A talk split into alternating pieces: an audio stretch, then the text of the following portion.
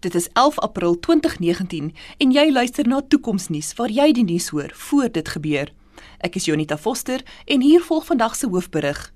'n Suid-Afrikaanse myn het verlede week groot lof ontvang by 'n internasionale mynskou vir hul gebruik van masjienleer en die internet van dinge in die bestuur van die myn se apparaat. Die myn het 3 jaar terug begin om masjienleer te gebruik om die temperatuur en vibrasie van die motors van mynapparate te analiseer en die nodige onderhoudskedule te bepaal. Masjinerie is dus nie op die tradisionele roetinebasis gediens en vervang nie, maar slegs wanneer nodig en ook voor dit te laat is. Die waarskynlikheid dat 'n masjien sou breek word bepaal deur die analise van inligting wat deur verskeie sensors bymekaar gemaak word. Deur van kunsmatige intelligensie en masjienleer gebruik te maak, kan die onsigbare patrone geïdentifiseer word wat dui op 'n hoë waarskynlikheid dat 'n masjien binnekort sal breek. Die program is opgestel om outomaties die nodige parte te bestel soos wat elke stuk masjinerie dit benodig. Werkers wat die herstelwerk uitrig, dra Microsoft HoloLens tegnologie wat hulle in staat stel om in 'n oogwink die rekord van vorige diens en herstelwerk te besigtig. Hulle kan dan ook sommer terwyl hulle werk vir spesialiste van reg oor die wêreld inroep om sodoende die dienswerk in 'n japtrap af te handel sodat die mynapparaat so gou moontlik weer kan begin werk.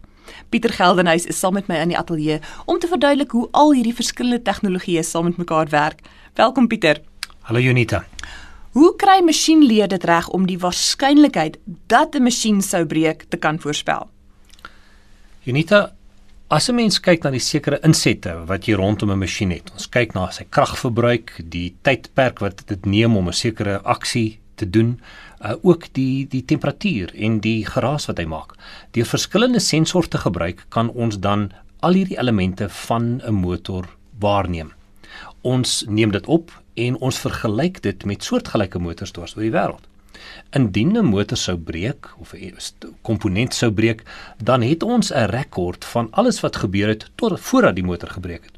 En ons bou 'n hele klomp datastelle op wat dan hierdie datapunte vir ons gee.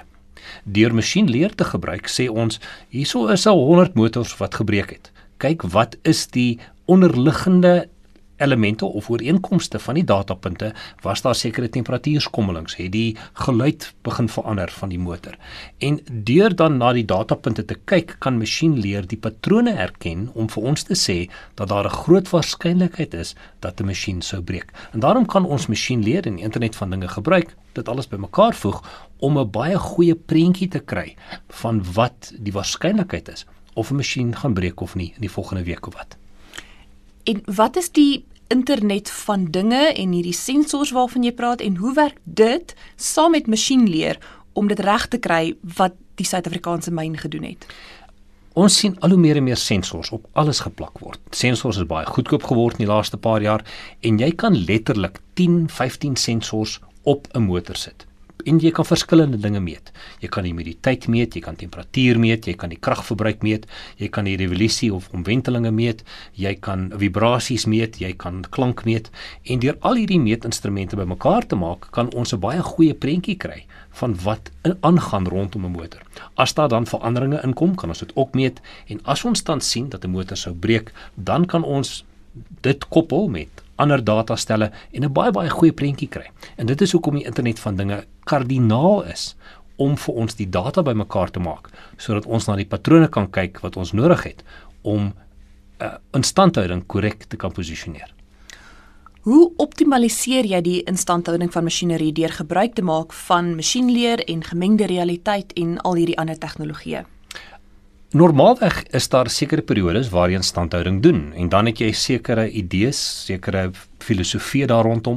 Party mense sê dat jy elke 6 maande al die masjiene moet vervang. Maar party van die masjiene kan baie langer hou.